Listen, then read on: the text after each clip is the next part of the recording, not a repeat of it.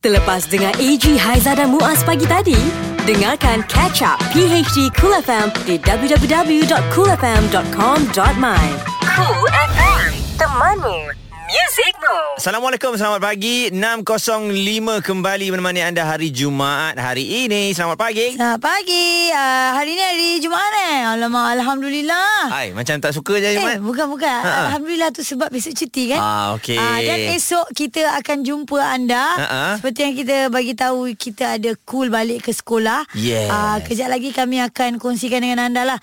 Tempat-tempat yang kami akan pergi dan macam mana anda nak tahu kami ada kat situ. Yes, ah, kami dah beritahu banyak kali dah Seram pula dengan lagu ni. Kat Instagram pun ada juga lokasinya Ha-ha. uh, dan apa yang anda boleh menang kejap lagi kami akan beritahu kepada anda Ya. apa yang anda boleh dapatkan sambil-sambil itu bangun pagi ni Ha. rekan-rekankan sikit badan-badan lah eh. lagu ni kita boleh zumba. Ah, ni tak boleh zumba lah Eh, uh, zumba pocong. dia slow pocong-pocong tak boleh Asal habis nak buat macam mana? yang ni boleh ni apa uh, lompat Moonwalking. katak lompat katak Ha, ingat moonwalking. lompat katak. AG Haiza dan Muaz, gandingan baru PHD Cool FM. Kita lah teman awak pagi-pagi. Ah, bila dengar suara kita je, terus senyum ke senyum ke? Uh, adalah yang Ada? senyum Suami Ada? awak Sa- Yang lain dia ada senyum kalau juga. Kalau ada senyum lah Ah. Okey pagi hari di Kul FM Untuk anda yang mendengarkan kami ni Ada kat mana mungkin Lembah Kelang Frekuensi kita 101.3 FM Kita ada tetamu istimewa pagi ni Yes Memulakan kariernya dengan lagu ini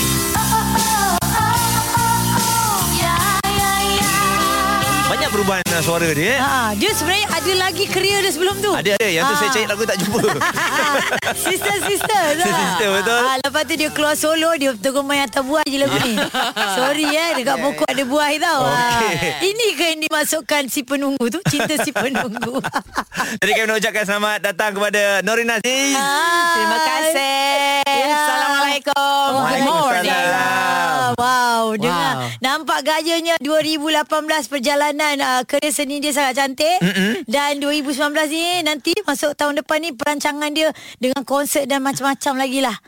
Alhamdulillah kemain kemain. Ah, kemain kemain itu baru mukadimah ya. Mukadimahnya. Ah, jadi hari ni bersama Haiza dan juga Muaz, mm-hmm. Norin kita jemput ni takkanlah sekadar kita nak main lagu borak-borak biasa kan? Yelah. Ah, kita punya hari ni kita nak buat bu- buka borak kul lah Muaz. eh? Dia nak baca mengenai kesabaran lah kan Sebab Ah. kalau kita tengok perjalanan Nori ni Dia lebih kepada kesabaran Ya. Dan akhirnya Kental. mendapat kejayaan Ya. Ah, yang Kita nak kan Itu kita nak. Orang Kita- industri ni kena kental eh? Ah, Kita nak ujung dia tu yang best. Yes. dapat Eh, cerita mana nak awal-awal. Ah, celah ni? Mana nak celah ni? Ya Allah, ya Allah. Celah lah masuk Tak boleh lah. celah. Eh, Ah. rasa macam nak bagi salam. Tapi Okey, okey, okey, okey. Okey, masuk, Ah. masuk, masuk. itulah Haizan dengan Muaz kan. Sila- sila- silakan. Tak kasih can. Akak duduk sini melihat je lah. Ah, sebab Muaz. akapnya ni nanti kita orang bagi so nyanyi boleh nyanyi.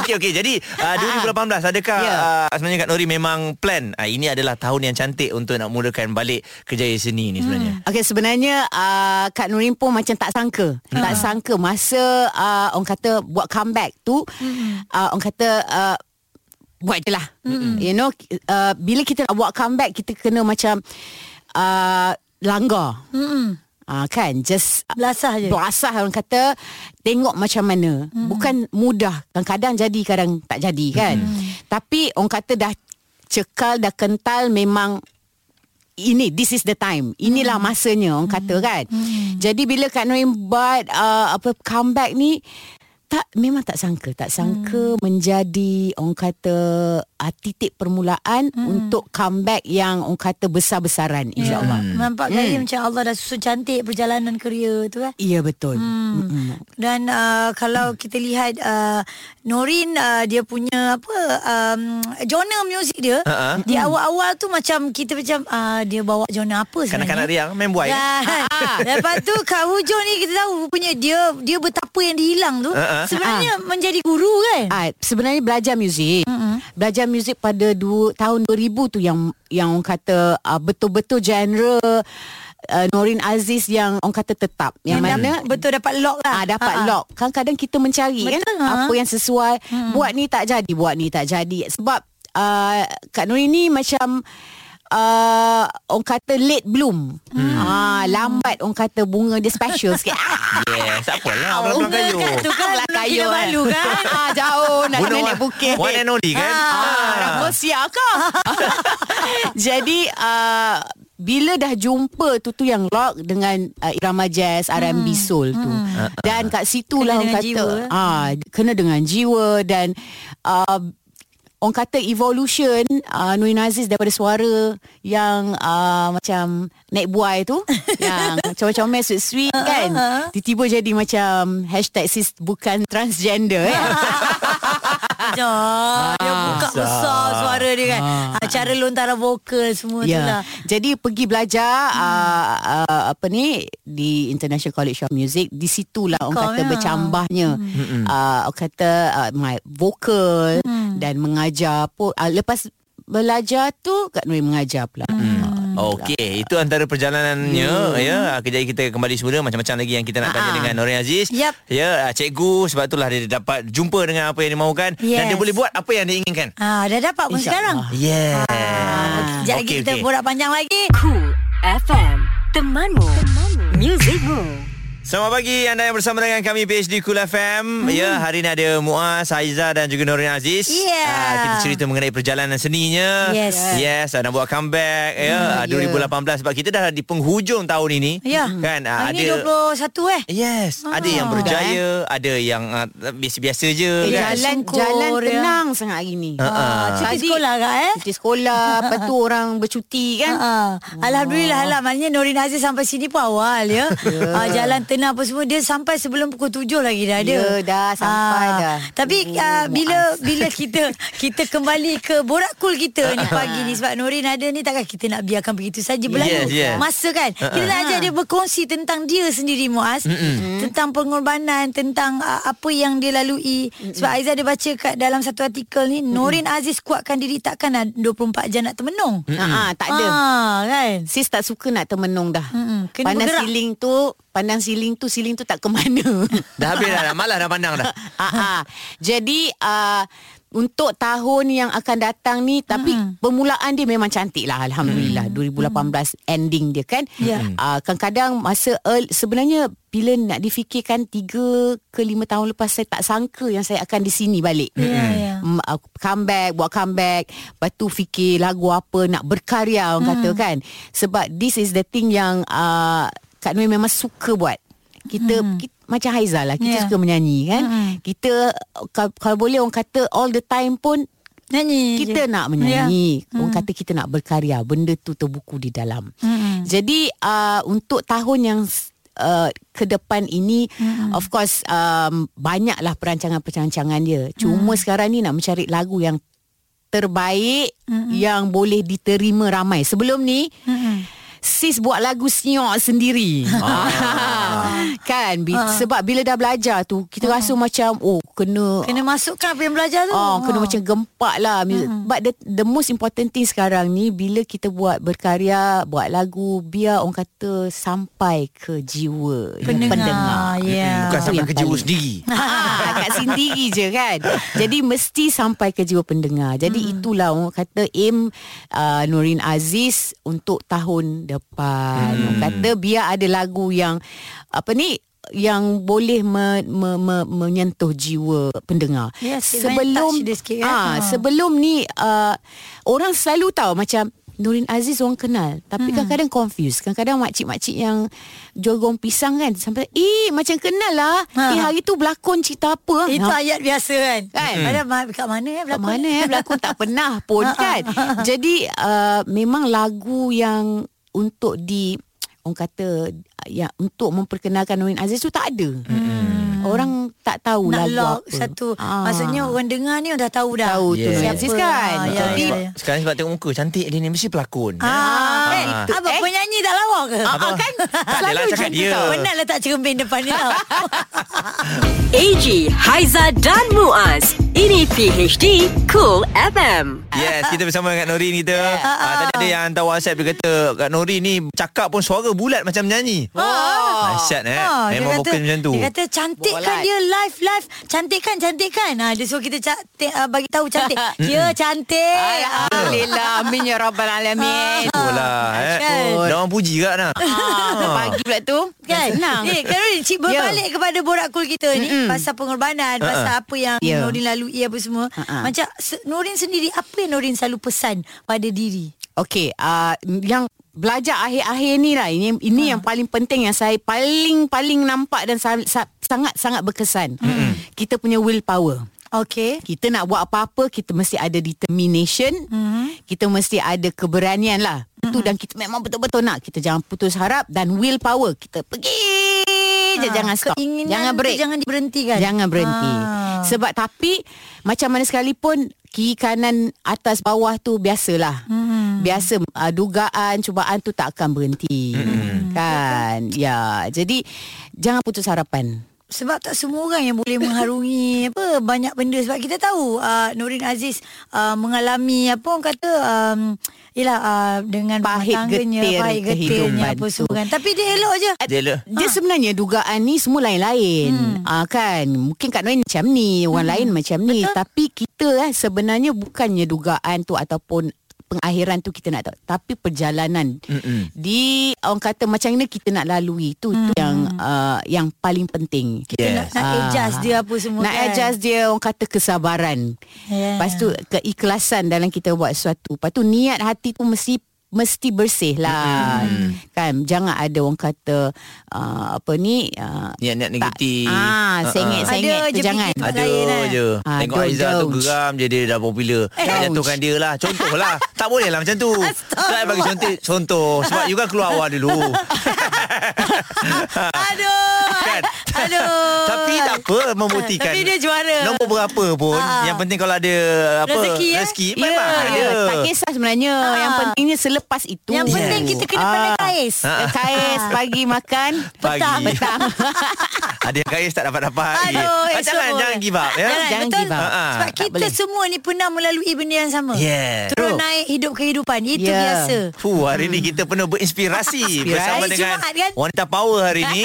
Cool FM Temanmu Music Rules Eh tak apa tak apa. Kita singgah, kita lepak, buka PhD Cool FM, dengar kita orang ya. Okey, yeah. jadi hari ni kita bersama Kak Norin. Ya, Yeah, uh, ada betul. yang hantar WhatsApp ni. Dia kata, hmm. uh, saya suka lagi masih lagi terbayang penangan akak lain macam. Dia kata, Ha. uh, all the Wah. best Kak Norin. Continue colours our music industry. Thank you. Uh, dia kata, dah tak sabar nak tengok konsert Sister Soul di IB next year. yeah, Soul Ah, Sisters. Soul, Soul Sister. Sister. Okey, jadi mungkin boleh share sikit mengenai konsert ni ni. Okey, konsert ni akan berlangsung di Istana Budaya pada 5 dan 6 April mm-hmm. uh, 2019 tentunya bersama Misha Omar dan Siti Sarah. Wow. Wow. Ini uh, orang kata julung kali, orang kata kita, uh, dikompilkan bersama. Mm-hmm. Compile ni. Compilation. Digabungkan bersama Ha, ha. dan semua kita orang semua lain-lain kan? Lain-lain genre kan?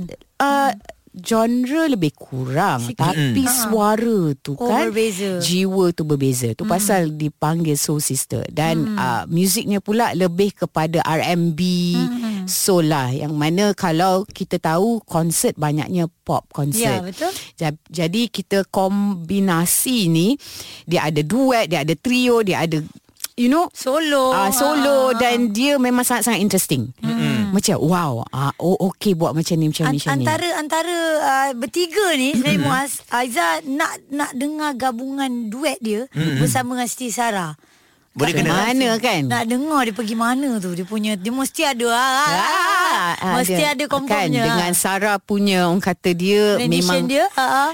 ah pergi ke kan ha dengan Misha pula lagi nanti. Misha lagi. Ah, kan Memang Kira-kira insyaAllah. ni best, gabungan ni memang best. adakah um, uh, akak duduk berjumpa dengan orang? Eh jom lah kita buat Ah, satu showcase ke? Ataupun tiba-tiba dia dah set. Ah, ada orang yang okey. bayangkan Okey gabung bertiga ni mesti sedapnya ni Okey, sebenarnya uh, abang Ed, abang Ed Razi, Ha, ha. Ed Razi Entertainment yang menggabungkan kami, mm-hmm. dia d- panggil kita lunch sebenarnya. Dia lah tokeh Ah, dia pampirnya. lah tokeh Ha. pampirnya. Ha, Tahu ha. kat Tahu kan siapa Abang Tahu, Ed tahu. yang buat Feminine, Feminine, dulu.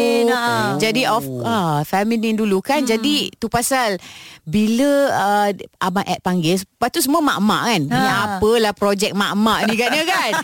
lepas tu bila panggil Tiba-tiba dia kata nak buat konsert. Ha, Memang rasa macam Eh, terkejut. Terkejut hmm. sebab um, konsert yang Kak Noe pernah buat pun adalah konsert di is- uh, sebelum ni di FP Dewan hmm. Hamid. Petronas dan selain daripada tu di Jakarta uh, untuk jazz festival yeah. kan uh, Java Jazz. Tapi tak pernah lah orang kata nak gabungkan yang satu orang kata Ni kira macam main concert lah kan Ah, main Ah. concert Ah. macam something yang interesting yang lebih kepada art ah, yang digabungkan bersama. Ya. Ah, jadi memang terkejut bila nak buat Ah, konsert. Tu lah, dah lah Dia comeback Balik-balik Juara pula Lepas tu nak buat konsert tahun depan Alhamdulillah. Cantik lah tu, eh? Cantik cantik Sangat cantik So Yes, kena yes. maintain Kena maintain Ah. Lepas tu kita pula datang. Ah, oh, Eh, eh, harus. harus. Bawah. Muaz eh, MC ke Muaz? Tak tak tiket kita beli Kena beritahu tu Tak kau yang kata tiket percuma Tiket kita beli Sabar sabar Ah, Support industri Dah tahun, tahun depan kita dengarkan macam mana Ah. Yeah. Okey, hmm. uh, untuk anda kejap lagi kita akan kembali semula. Siap sedia juga untuk yang menantikan dramatik cool Cinta Yes. si penunggu gua ni. Eh, Eh. Cinta si penunggu ni. Kau pun macam aku juga eh. Penunggu gua Bukan bukan, Cinta si penunggu je. Maafkan kami penunggu gua. Maafkan kami penunggu doa. Kau main lagi dia orang ni bergabung eh. Dia boleh buat konsert ni kot. Eh, ni- Eh? Yes. Dah buat konsert Do Jazz.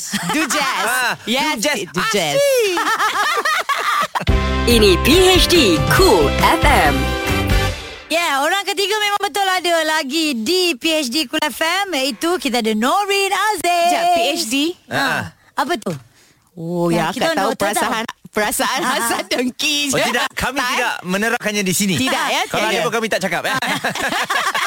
Sekejap lah, apa tu PhD? Ah, pagi hari di Kul FM Wow. Biasa kita ada PhD Kul FM Ha. Wow Pendekkan sikit lah Kan ah, Lalang Ah, Oh, dah tu. ada trademark gitu. Wow Okey Wow. jadi Kak Norin ah, Lalang ni bila dah, dah Ya. Makin dikenali untuk 2018 ni Saya. Ah, Peminat-peminat baru macam mana pula Bila tengok Hmm. Ah, macam nak tackle, eh? Ah, Bila new generation ada yang minat I minat lah dengan kakak Eh, ni Ha. Sebenarnya Kak Nun c- sangat terkejut. Ha. Masa first week uh, buat pertandingan tu, Ha. semua macam dulu, kalau dulu Kak Nun nyanyi macam Okay clap clap clap clap. Ah, clap, macam biasa clap. je. Macam tu je. Ha. Tapi sekarang dia macam wow, macam terkejut Kan, sangat-sangat sampai macam terlari sekejap lah beat orang kata. Ha, Dan sebenarnya tak, sangat-sangat tak disangka. Semua macam panggil aunty ada, Hmm. Ah. Ha, panggil kakak, Kak Norin kan. Benda tu uh, satu yang baru dan bila uh, bila ditanya di Instagram pula uh, genre yang macam mana, Ha, uh nak dengar, Hmm. uh, Nurin Aziz nyanyi. Jadi dia ada feedback. Hmm. Kalau dulu kan bila tanya macam krik krik krik.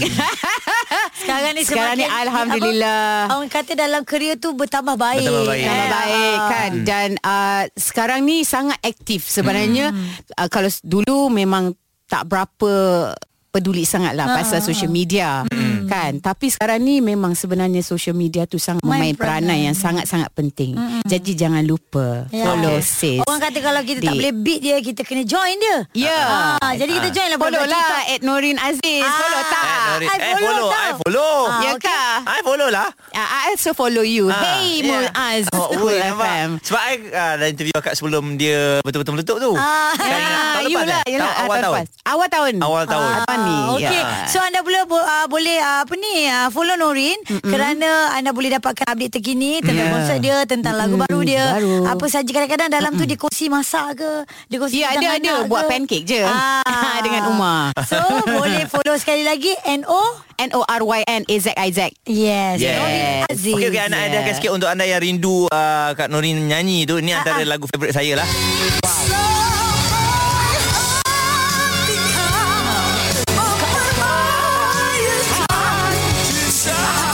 Susah susah nak tiru kan. Muaz, buka mulut boleh Muaz Boleh, boleh. Tapi jangan sembarang-sembarang eh Yelah yelah yelah eh. Dahsyat juga. Jadi terima Takut kasih Kak keluar tak Norin. sedap. Terima kasih banyak-banyak Kul FM sebab Thank you. jumpa. Uh, yes. Seronok ni. All the best untuk konsert All the best untuk Korea Terima kasih, All the best untuk Alhamdulillah. single nak keluar Terima kasih, nanti terima eh. kasih banyak. Cool FM. Temanmu. Music Room. Seperti biasalah dengan kami Kita nak bagi tahu dekat anda Selain daripada info-info Lagu-lagu Kita ada segmen YB Cool bersama Nick Nazmi. Okey, Assalamualaikum selamat pagi YB. Salam warahmatullahi Tak pagi Pagi. Alhamdulillah Ah, Ah. ya. Uh, cuti-cuti sekolah ni YB ataupun persiapan sekolah ni macam-macam hal nak buat YB eh. Barang sekolah dah Ah, beli YB betul. untuk anak-anak ni? Alhamdulillah isteri saya dah Eh. dah Dah- dah belikan. settle lah. Saya tak sempat lagi tu lah. Dia pergi tolong belikan. Saya bagi duit je lah. Aduh, patut YB jangan bagi duit. Sebab apa? Kita orang Cool FM nak belanja ni. Alamak. Oh, Belanja barang patutnya. sekolah Tapi dah beli tak Okey. apalah Alhamdulillah Okey YB Ni sambil-sambil Ya. ni Kita nak tanyalah YB eh uh, Sekarang ni banyak sangat kes uh, Orang apa Hack uh, Yang mana scammer uh, Kacau uh, dalam talian Lepas tu dekat data peribadi pun Orang boleh hantar kat mana-mana saja Kadang-kadang kita Untuk privasi kita pun dah tak ada tau YB Ah, maklumat Betul, betul. pembang- perbankan pun dah orang kata bocor macam tu je. Macam mana YB eh? Ah. Mungkin ada pesanan untuk kita semua pendengar-pendengar Kul FM dan juga rakyat. Uh, pertama kali saya pertama sekali saya harap uh, pihak berkuasa dapat uh, memainkan peranan lah sebab sebenarnya dari segi perundangan apa kita dah ada hmm. uh, apa tu pelindung tentang isu perlindungan data dan sebagainya Hmm. Uh, tetapi uh, yalah kita pun tahu makna benda tu uh, di bawah ni kadang-kadang macam cakap tadi lah kan Ya. yeah. macam Hmm. maklumat kita bocor mm. uh, dan sebagainya jadi yang itu kita harap dapat di dikawal dan pada masa yang sama kita juga harap uh, orang ramai kena jadi bijak lah Mm-mm. Hmm, betul. uh, macam scam uh, macam mana dia kalau istilah dia kalau benda tu bunyi uh, if it's too good to be true Hmm. Ya. Ah, then it's too good to be true lah. Ya. Yeah. Kadang-kadang Kalau kita dia kan kata- boleh agak dah kan. Betul. Hmm. Kalau tiba-tiba orang tu kata dia tak bercinta dengan kita, dia apa tu dari, daripada luar negara. Ha. Tiba-tiba.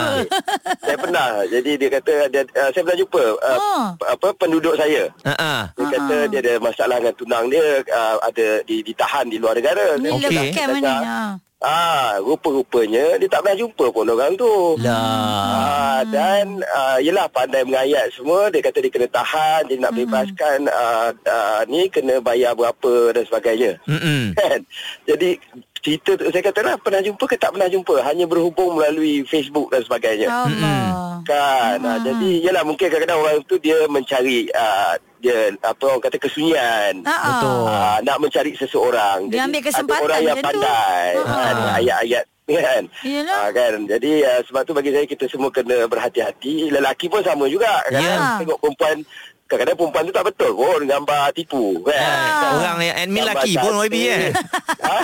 Admin dia lelaki ha. ya, jadi sebab itu ah, macam-macam lah. Admin dia lelaki betul. Ha, mudah terpedaya Ah, ni, ha. Jadi pandai layan cakap ah, ni. Lepas tu so oh kata kena ni lah nak bayar ni dan sebagainya. Jadi sebab tu saya kata ah, itu satulah dan satu lagi yang dia kata oh anda telah menang Ha. um, sejuta tapi kena bayar dulu RM20,000. Ha-ha. Sebab ah, nak keluarkan duit sejuta tu. Itu pun dah tak logik. Aduh. Itulah kan. Ya. kadang-kadang dia orang tak fikir kenapa aku menang sejuta sebab apa eh YB kan tiba-tiba. Ah. Ah, Ha. tiba-tiba je kata Mustahil. Hmm. adalah awak ni terpilih dekat ni semua dia, dia nak kata main loteri pun tak main loteri kan. Jadi, lepas tu ada yang setengah ni macam uh, uh, orang tu minta nombor akaun Ha, ha. atau atau password apa nombor pin lagi teruk. Ya, ya, Ha. betul betul. Ah, takkan bank takkan buat macam tu. Jadi kena hati-hati dan kalau tak tak sure, saya tahu kita pun kadang kadang benda tu nampak real. Tanya orang lain dulu, jangan terus uh, melayan. Hmm, betul. Okey. Jadi uh, YB pun ada macam-macam apa uh, aduan yang telah pun dibuat. Ha. Ini berdasarkan aduan-aduan yang ada lah tu YB macam-macam cerita eh. Ah, biasalah. Baik, uh, apa pun kita nak ucapkan terima kasih dan selamat berhujung Okey. minggu YB ya. Okey, sama. Alright. Selamat menjalankan tugas dan uh, yelah tahniah kepada Liverpool ya. Salam 3-1 ha. Salam 31 Saya tak cakap. YB YB Gaya tak duduk di di atas Ah, tak gaya sebab kita sebenarnya memang ditakdirkan duduk di atas. Ah ini Liverpool punya jawab eh. Alah alah Bye Bye. Ini PHD Cool FM bersama AG, Haiza dan Muaz. 5 yang trending dalam PHD Cool FM hari ini. Yes Kita start nombor 5. Ha, ini berlaku di London di mana ribuan penumpang di lapangan terbang kedua paling sibuk di Britain terkandas semalam selepas beberapa drone sengaja diterbangkan berhampiran sehingga menyebabkan banyak penerbangan digantung ya dekat mm-hmm. dalam uh, berita berita utama semalam pun keluar.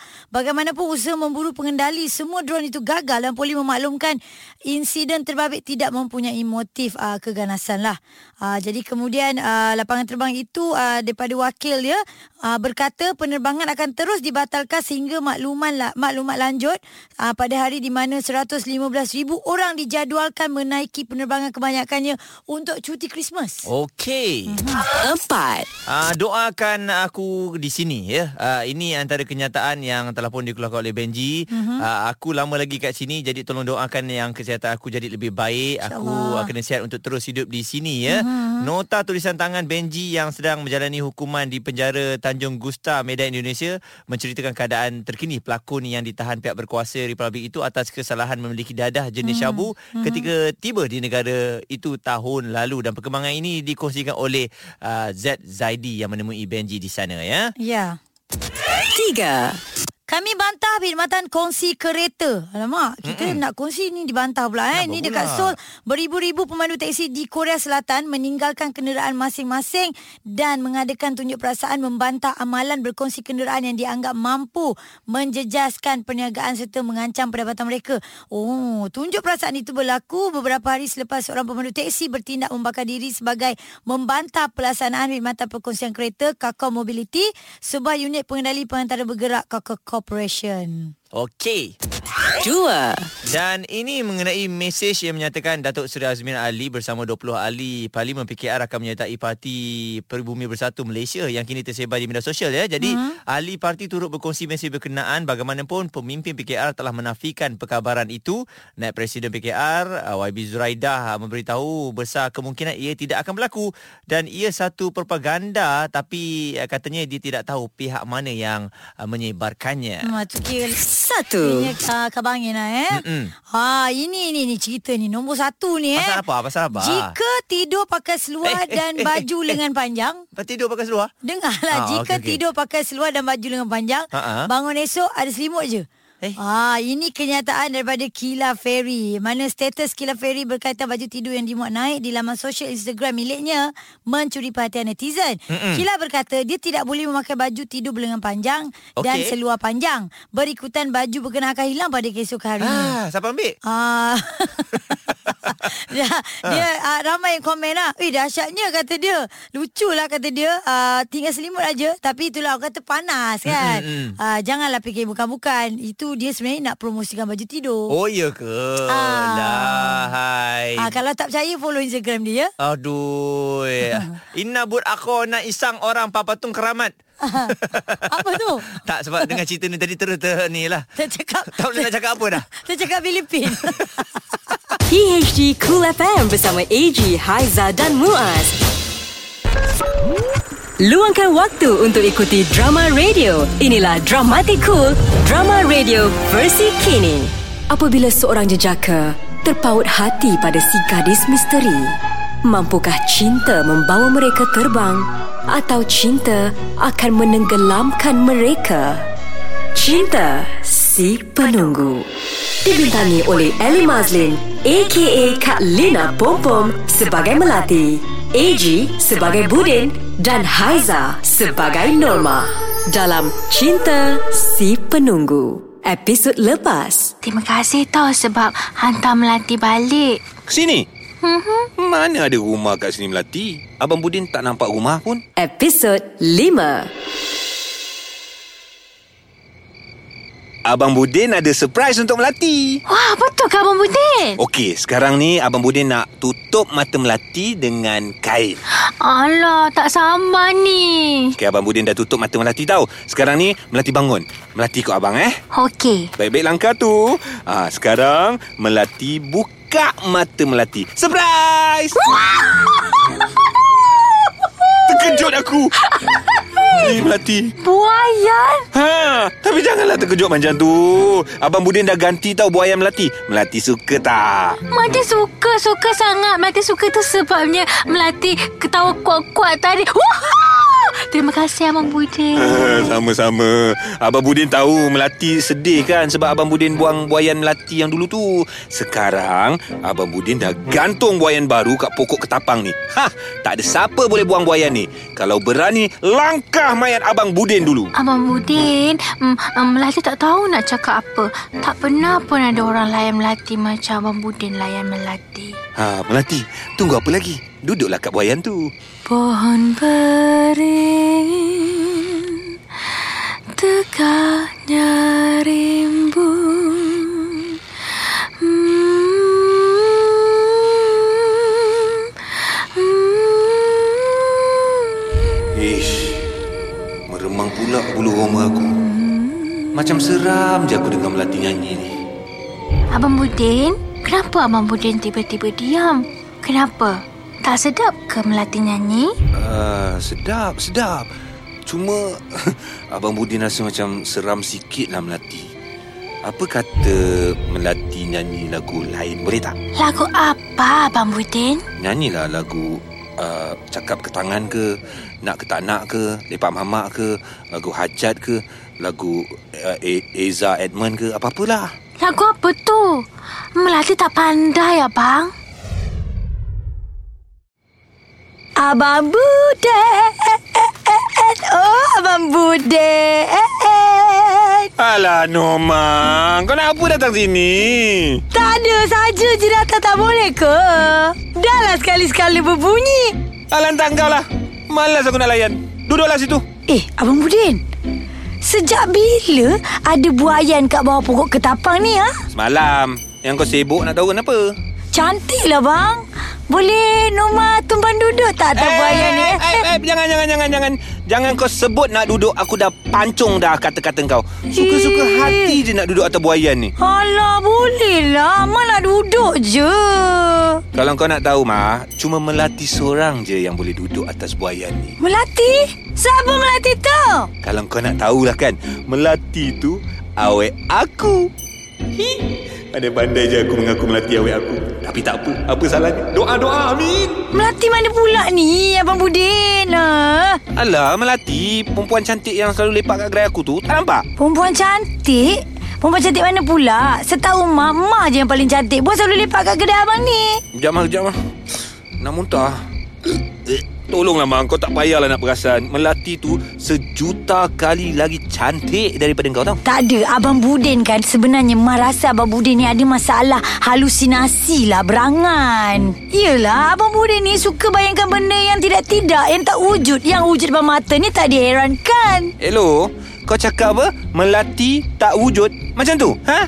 Yelah, mana ada, mana ada. Ah, mana, mana, mana. Eh, Mak, aku belum gila lah. Kau tu yang gila. Sebelum aku mengamuk, aku dah bagi kau duduk kat sini elok-elok. Kau cakap pasal Melati macam tu lah, macam ni lah. Baik kau belah. Baik kau belah. Abang Budin. Kau nak cakap apa lagi, ha, pembunuh? Abang Budin. Kenapa? Ha? Kau tak puas hati sebab aku panggil kau pembunuh. Memang kau tu pembunuh. Abang Budin, berapa kali mak nak cakap? Dah, dah, dah. Aku tak nak dengar apa-apa dari mulut kau lagi ni. Kau pergi. Pergi aku cakap, pergi. Kalau Abang Budin benci sangat dekat Mah, tolonglah jangan panggil Mah pembunuh. Pembunuh? Oh, pembunuh. Pembunuh. Pembunuh, pembunuh, pembunuh, pembunuh, pembunuh, pembunuh, pembunuh, pembunuh, eh, pembunuh, pembunuh, pembunuh. Ah, puas hati aku. Pembunuh. Eh, buruk lah tu. Pembunuh buruk. Eh. Budin rindu kat siapa tu? Nak tahu? Dengarkan episod seterusnya. Cool FM Temanmu Music Moves PHD 3 2 1 Tiga kerenah anak-anak nak beli barang sekolah. 3 Smiggle! Smiggle! tak payahlah. Mahal tak payah. Smuggle! Tak payah. Smuggle. Tak payah ni. Mak dah beli dah barang-barang smuggle. Oi, Mak. Barang-barang seludup. tak apalah. Smuggle pun smuggle lah. Mak nak jimat kan? Eh, mana boleh, Mak. Sebagai rakyat Malaysia yang Oi, oi, bertamadun. oi, oi. Okey, okey, okey. Kita beli baru berapa ni? RM80. Yeah. Angkat RM80. Tahu takut anak mak 8A kan? 2 Hai, itulah dia sekarang ni barang bukan buat bukan main mahal ya. Ah, kotak pensel aja RM80 apa benda ni? Ah, uncle, tengok ni uncle. mak saya cakap seorang-seorang, saya nak beli barang pun tak boleh. Tak boleh lah RM80. Agak apa ni RM80 kotak pensel ada api, ada jalan-jalan. Nak tulis je kot, bukannya nak buat pergi mana-mana. Ayah, ini harga pasaran mahal RM80 pun you banyak kedekut lah you. Ni ambil ni, ambil ni, ambil cap Apa ni? biasa ni. Ini. Apa ni? Ini. Ini. ini tin. Mak dah buat kat rumah tin, boleh pakai. Ayah, you punya mak banyak kedekut lah anak. Oh, anak dengan pakcik sama uncle. eh? tak cukup orang kan? Satu. Mak, mak. Okey, mak. Uh, dah siap dah ni. Ha. Ah, ni semua barang semua. Okey, kau letak, kau letak, kau letak. Letak, letak, je, letak, letak, letak. Ah. Letak, yes. Sebab apa? Kita ada cool uh, FM balik ke sekolah kan? Ah, Dia ah. kata dia nak belanja. Ya, ya, ya, ya, Ah, ya. Kita ya, ya. letak je, kita Hui, letak je. Haiza, Haiza, Haiza. Hmm. Hai, Kak Haiza. Hello, bos. Eh, shh, shh, dia belanja kita, dia belanja kita. Dia- Ah, ni je barang kita orang beli. Mana tadi Kak Aizah Mana tu mak ni Macam sama je Mana mak saya Kak Aizah mana mak saya Kita kan tinggal dua orang je. Seorang Susah cuti. lah. Ah. Susah betul bawa watak macam. Ini PHD Cool FM.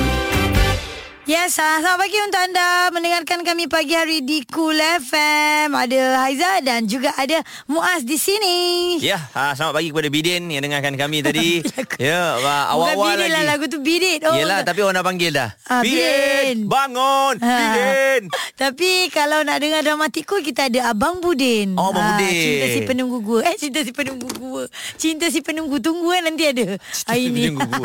Itu cerita P. Ramlee je Okey jadi uh, Ni Haizah nak Ya. sewa rumah tak Sewa rumah ha, ha. Ataupun nak beli rumah tak Harga rumah ni memurah je kita jual Ah, Kalau ada harga yang rendah daripada pasaran Boleh mm-hmm. jugalah dipikir-pikir kan Hmm. Okey, harga ni memang rendah pada pasaran sebab Boleh. harga betul dia uh, Ha. 20.36 juta. Oh, Tapi kita jual sebab kita kawan lama kan. Oh, abang. Ah. I jual murah sikit kepada you lah 17 juta. Boleh, boleh.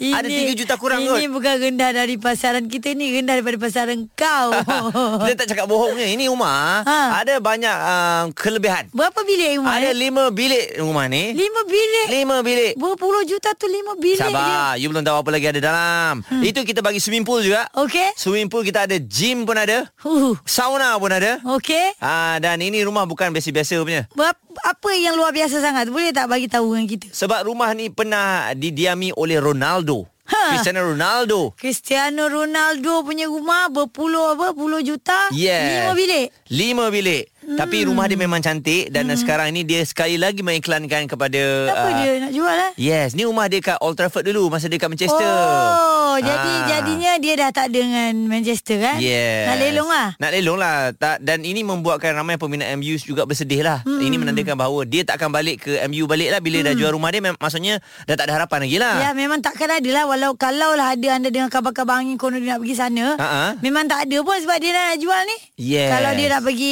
MU dah tentu-tentulah dia uh, tak jual kan Ha-ha. Dia kekal di Juventus Okey, Hmm. jadi uh, kalau anda nak beli uh, dia dah ada dekat pasaran dah dah dijual lah rumah ni Ha. dan uh, kalau anda beli rumah ni memang untung Ha. sebab apa anda akan duduk dengan kebanyakan Jiran-jiran dia? jiran-jiran dia adalah pemain bola sepak yang popular dekat England lah. Rasanya dalam banyak-banyak orang Malaysia yang nak beli rumah Ha-ha. ni Rasa Dato' Alip Dia boleh beli eh. Dato' Alip boleh beli Boleh jadikan mungkin ni rumah uh, Persinggahan lah. Ha. Persinggahan Sebab apa rumah betul Dato' Alip Lagi Ha-ha. menang tau, Ada 30 bilik Yelah dia tersenarai pun dalam rumah yang paling mewah ni Yeah. di dunia eh. So maaflah Ronaldo eh. Setakat lima bilik Saya tak pandang Okey. Cool FM. Temanmu. Music Room. Jangan lupa besok Cool balik ke sekolah Kami akan berada di Pantai Timur Dan juga di utara tanah air Kejap lagi Hmm. kami bagi tahu betul-betul lokasinya di mana okey? Ya, yeah, tunggu ya. Sebab hari Sabtu benda tu akan berlaku maknanya esok lah. Ha-ha. 22 hari bulan Disember. Tapi sekarang ni sebelum kita nak cerita pasal pasal sekolah ni semua, kita nak cerita pasal seseorang yang sedang mencari jodoh ya. Hai, siapa Ah, tu? Macam cari kalau untuk ai, cari kalau untuk ai. Okey, dia ni popular sangat ke sampai nak suruh orang carikan jodoh ni? Oh. Popular, popular. Sebab apa baru-baru ni dia ada di Vietnam, di Okey. Hanoi. Ha-ha. Ah, tahu tak siapa? Ah, Mai ada kat Vietnam. I pun ada. I pun ada kat Hanoi. I rasa takkan you nak cari jodoh. Oh, Eh. okey. Okey. Ha-ha. Jadi I betulkan you punya uh, cerita tu. Okey. I takut ada orang salah anggap. Yes. Jadi nama yang uh, pencari jodoh ni adalah Sumare. Oh, Sumare. Ah, dia kata saya tidak mahu wanita yang mementingkan kebendaan. Wah. Materialistik. Sorry, excuse me. Ha. Ah, macam tu. Sebab apa sebelum ni dia ada berkongsilah berita berkenaan ah, dengan mencari jodoh ni kan. Ha-ha. Lepas tu ah, Muhammadu Sumare ni diserang netizen. Ada ka- kalangan netizen yang cuba mencadangkan jodoh pemain bola sepak itu dengan beberapa selebriti tanah air. Apa? Termasuklah dengan Rita Rudani. Ada juga. Ada Rita Rudani pun nak dijodohkan dengan Sumari ni netizen lah Ah, kan. dia main tag-tag je lah. Ya, lepas tu uh, kata Sumari ni sebagai uh, apa? Sebagai pemain bola sepak ni dia mm-hmm. kata dia memang nakkan yang betul-betul orang yang mencintai dia. ah, Oh. Tetapi uh, sebagai seorang netizen ni kata Fikri, uh, ah, saya mendoakan semoga kamu kamu segera dipertemukan jodoh Mm-mm. dan sentiasa dalam lindungan rahmat Allah. Oi. Semoga ketemu jodoh cepat ya idolaku ini yang lain pula lah. Ha-ha. Lepas tu uh, kata Abizai pula, adakan sesi temu duga? Rasanya beratur macam nak beli tiket final. Mm. Mm-mm. Sebab bila orang tengok ah, aksi dia pada perlawanan bola sepak tu memang luar biasa. Saya nampak dekat Vietnam, ha. Ha. ramai penyokong-penyokong Vietnam yang nak bergambar dengan si Sumarih ni. Jangan-jangan jodoh dia dengan orang sana Eh. Ah, tak? kita pun tak tahu kan. Ah. Jadi itulah dia Sumareh yang uh, sekarang ni diperkatakan selain pada Safawi, hmm? ialah yang lain ramai lagi sebab Yeah. ni yang bujang-bujang ni kan. Kan? Ya. Yang bujang-bujang yang selalu diteropong lah. Yeah. Kan? Ha, sekali lagi lah kita doakan Sumari ha, mendapat ha, jodoh yang baik-baik. Dia kata dia mencari seorang yang berperwatakan baik dan tahu bagaimana menjaga diri saya. Seperti saya pandai takkan menjaga Hmm. Oh, baik bola. ramai yang baik dik. Okey. InsyaAllah, insyaAllah, Ah, insyaAllah. cuba-cubalah semua gadis-gadis semua nak. Ha, manalah tahu ya, ada rezeki kau dengan Sumari. Mungkin nak macam Jelo juga. Oh, and it funny. Ya ya ya ya ya. Cool FM. Ini PHD Cool FM bersama AG, Haiza dan Muaz. Tengah buat apa eh Tengah touch up lagi eh Macam saya ni Walaupun bercakap Mm-mm. Tapi kita tetap touch up muka kita tau Yelah, touch up Maklumlah lah. wanita kan Kenalah make up-make up sikit Kena touch up lah bagi Ah, elok sikit. Walaupun tak make up elok Ah, ah. Tak payah nak make up sangat kita elok Tapi kita tetap lah Nak bagi sikit lah Tapi orang yang dah biasa tengok selalu memang rasa macam tak ada apa-apa kan.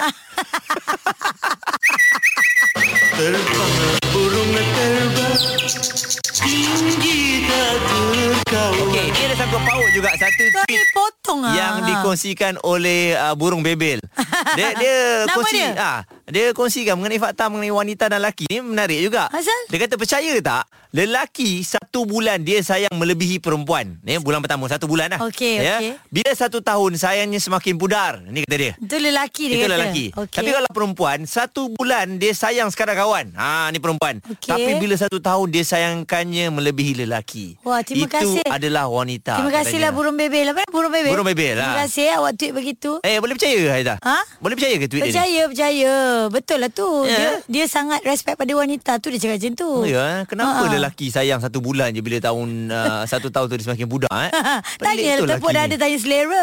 Sebab saya tak pernah rasa benda tu Jadi saya tak tahu benda ni Okey, Ha? faham, faham. Kan? Tapi uh, uh, itu fakta ke apa? Itu yang rasanya Itu yang dia- yang dia rasa rasa lah. lah. Tapi Ha. dia ni lelaki ke perempuan eh? Ah, tak tahulah sebab Ha. gambar pemburung Dia men- menjadi pemerhati. Ya, yeah, jadi kita tak Ha-ha. tahu. Ya, Tapi apa betul-betul. pun uh, kita harapkan sayang anda tu selamanya lah. Ya. Dan saya boleh bersetuju dengan uh, tweet ni. Saya pun bersetuju. Ah, Saya bersetuju sebab Ha-ha. memang betul perempuan masa bulan pertama tu kita punya nak mengayat. Ha-ha. Oh, susah nampak dia anggap kita macam kawan je. Ya, dia Ha. sebab perempuan dia tak gelojoh. Ah, dia tak gelojoh. Ah, lelaki dia Lelaki ni dia memang. kadang-kadang dia tunjuk gagah tapi itu Ha, ha. bukan gagah itu gelojoh ya. Gelojoh, eh. Ah. Okey, take note Ya. jugalah. Ah, okey. So, apa burung apa? Burung bebel. Okey, I nak follow dia sekarang. Pergi follow dia sekarang Ah, Kat eh. Instagram eh. Cool FM. Temanmu. Temanmu. Musicmu. Bagaimana dengan diary anda hari ini? Ah, Harap-harapnya terisi dengan pelbagai perkara-perkara yang positif, perkara-perkara yang baik insyaAllah. Ah, dan uh, diary yang baru juga 2019 akan dibuka tak lama lagi dengarkan kami di PHD Cool FM uh, kalau tadi kita cerita pasal kekayaan ataupun uh, rumah si Ronaldo tu Ha-ha. si Ronaldo ya Ha, Okey. ah, tapi kali ni kita rasa tak adalah mana boleh cerita orang international je Ha-ha. orang luar je kita nak cerita pasal orang lokal juga kan Ha, Siapa orang lokal tu? Ah, orang lokal ni Dato' Alif Shukri Oh, si Alip tu? Ah si Alif tu Tu si Ronaldo ni si Alif ya.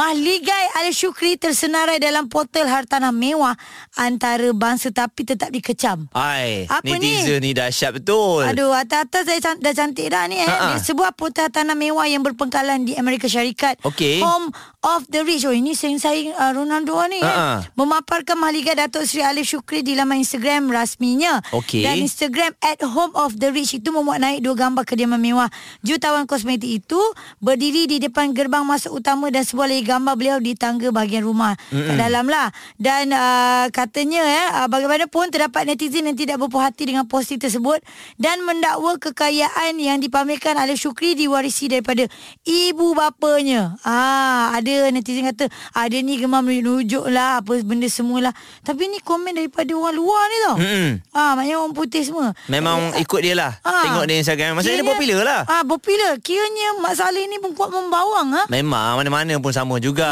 Hmm, Tapi sekarang ni sebenarnya lebih banyak orang bercerita mengenai anda, Ha-ha. lebih popular sebenarnya. Ah. Betul. Tak Lebih ada hak tular. Pun. Lebih tular. Lebih tular ya. Ah. Kalau So, semuanya puji tak juga. Kalau dikata kekayaan tu diwarisi daripada ibu bapanya, apa masalah dia? Ah, biarlah. apa masalah Mak dia Ah, pun. Mak bapak dia pun. Ha, ha. Ha. yang Tapi- bercakap tu ada ke rumah tangga macam tu? Kadang-kadang kalau mak dah wariskan pun anak tak bergerti nak manage, Ah. hancur juga. Ah, tapi kiranya Dato' Alif pandai lah. Yes. Dia dengan isteri sama-sama membina mahligai tercinta. Ah. Hebat betul lah ya. Hebat, Hai. Jadi itulah dia cerita mengenai uh, Dato' Alif. Ya, kita yang tengok ni, kita Ha, ha. kena jadikan sebagai inspirasi. Betul ambil yang positif dan pastinya ada banyak rahsia-rahsia yang dia ada. Hmm. Mm. Bolehlah kita belajar nah. Yes. PHD Cool FM bersama AG, Haiza dan Muaz. Selamat pagi anda yang bersama dengan kami. Jangan lupa untuk cool balik ke sekolah. Besok kami akan berada di Pantai Timur dan juga di Utara. Hmm. Uh-huh. 10.30 pagi kami berada di sana dan anda boleh uh, update uh, terkini kami kongsikan di Instagram Cool FM MY, okey? Alright, dan yang terkini juga ha, ada keluar dekat dalam laman sosial ni. Rakyat Malaysia ketiga paling malas di dunia. Siapa cakap? Siapa ada, cakap? Ada tanda soal, tanda Ah, soal eh, baru- dekat sini. baru nak marah Ah. ni, eh. Ah, Ni I, ba- I bacakan saja eh, tulisannya.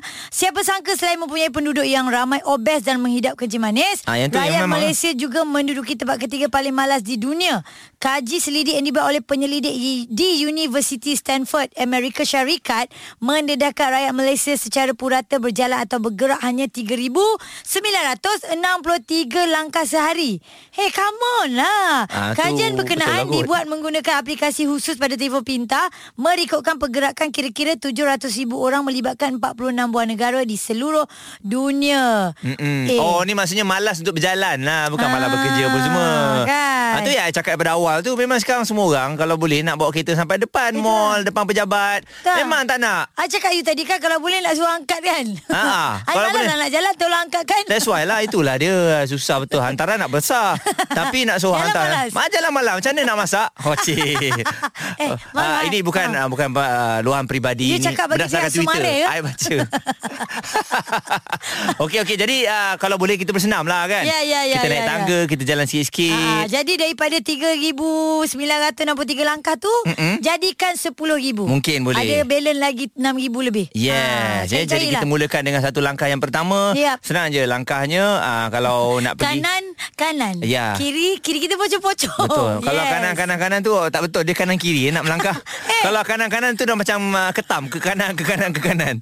Kanan kiri kanan kiri yang jalan betulnya. Mana ada orang jalan kanan kanan kanan kanan. Akulah ajar. Oh, okey. Cool FM, temanmu, music moves. Selamat pagi untuk anda yang bersama dengan kami. Tahukah anda ranking terkini FIFA tadi adalah nombor satu Ha? Brazil. Wow Nombor sa- Wah. nombor- Aku ni tak pandai Belgium, Aku Belgium. wow bukannya Belgium. Ah. Dia B juga. Tapi nombor dua adalah France. Uh-huh. Dan Aha. juga nombor tiga adalah Brazil. Wow. Dan Malaysia adalah 167. Okey. Terima kasih Muaz di atas pencerahan itu tadi. Ha-ha. Malaysia 100. 67. Okey, tak apa. Kita cuba lagi Boleh. untuk dapat nombor satu ya. InsyaAllah, insyaAllah. Nanti ada Ah, yang mustahil Why lah not? Sebab kalau kita Cita-cita tengok kita kena tinggi. Kalau kita tengok uh, Vietnam yang kita lawan tu Ranking Ya. yeah. dia adalah di tempat yang ke-100 Ha. Ah, 100 tau Alah tak jauh no Kita 160 lebih Kita boleh lagi bagus, kita bagus, boleh bagus, bagus. Kita boleh ya. Semangat, semangat, InsyaAllah, semangat. InsyaAllah Tiada yang mustahil lah ya. Ha, memang tak mustahil kalau anda pun join kita dekat sebelah utara nanti Ha-ha. uh, di Tesco Mergong Alustar bermula 10.30 pagi dan juga Giant Bayan Baru Pulau Pinang bermula jam 4 petang untuk Cool FM balik ke sekolah. Kita nak belikan kelengkapan sekolah untuk anak anda. Okey, untuk anda yang berada di Pantai Timur, kita akan berada di Tesco Kota Baru mm-hmm. pada pukul 10 pagi, 10.30 yep. Yap. eh. Lepas Ha-ha. tu pukul 4 petang kita akan ke Maidin Gong Badak. Ya, so kalau anda bertuah adalah anda lah orang yang terpilih. Kita bukan cari yang kita suka tau. Ha-ha. Kita macam tiba-tiba kita datang terus Ya. belanja. Yes. Barang sekolah tau, bukan puyuk belanga, belanga ke. Bukan, bukan, bukan. Bukan beli. Gula apa- tiga kampit, Tak. beras ah, empat ah, Ah, kilo tak, tak, tak, ya. Barang sekolah, saja. sahaja. Pen sebok, kasut dan sebagainya. Yes. Ha? Ah. Okey, jumpa kami esok 22 hari bulan Disember. Nak update, layari coolfm.com.my atau di Instagram at coolfmmy. Ini PHD Cool FM. www.coolfm.com.my Bawalah kami terbang ke mana saja anda nak pergi Kerana anda boleh dengarkan kami Khususnya PhD Cool FM di seluruh dunia Siapa yang eh? bunyi? Satu Betul. sesama ke? Oh, Ah. Tahu tak s- uh, pagi tadi Ah. bangun tiba-tiba rasa macam Sebab? uh, tekak Tahniah. sakit. Ya Allah, aku ni tak sihat sakit Oh, oh, demam. okey. Oh, Tak adalah. Ingat kan Aduh. ada. Dah ada. Sa- Tak selalu macam tu memang macam tu. Saya balik kampung selalu macam tu. ha. Ah. Azal sesama. Tak bila uh, orang rumah rasa macam tak Tanya Belum Sabar Relax Eh, Kecil lagi Padahal orang hidung sesama tu sumbat lah. ah, Yeah Okey, faham. Eh, Tapi tapi dah ah. makan ubat lah tadi Dah So makan Eh, ubat. harapannya baiklah Ah, ah. uh, Nak meneruskan kerja sampai pukul 3 petang ni Alhamdulillah Tak dia apa. Ria ya. Balik hantar orang picit-picit eh PHD Cool FM bersama AG, Haiza dan Muaz. Setiap Isnin hingga Jumaat bermula 6 pagi. Layari coolfm.com.my dan dengarkan ulangan di Catch Up PHD Cool FM.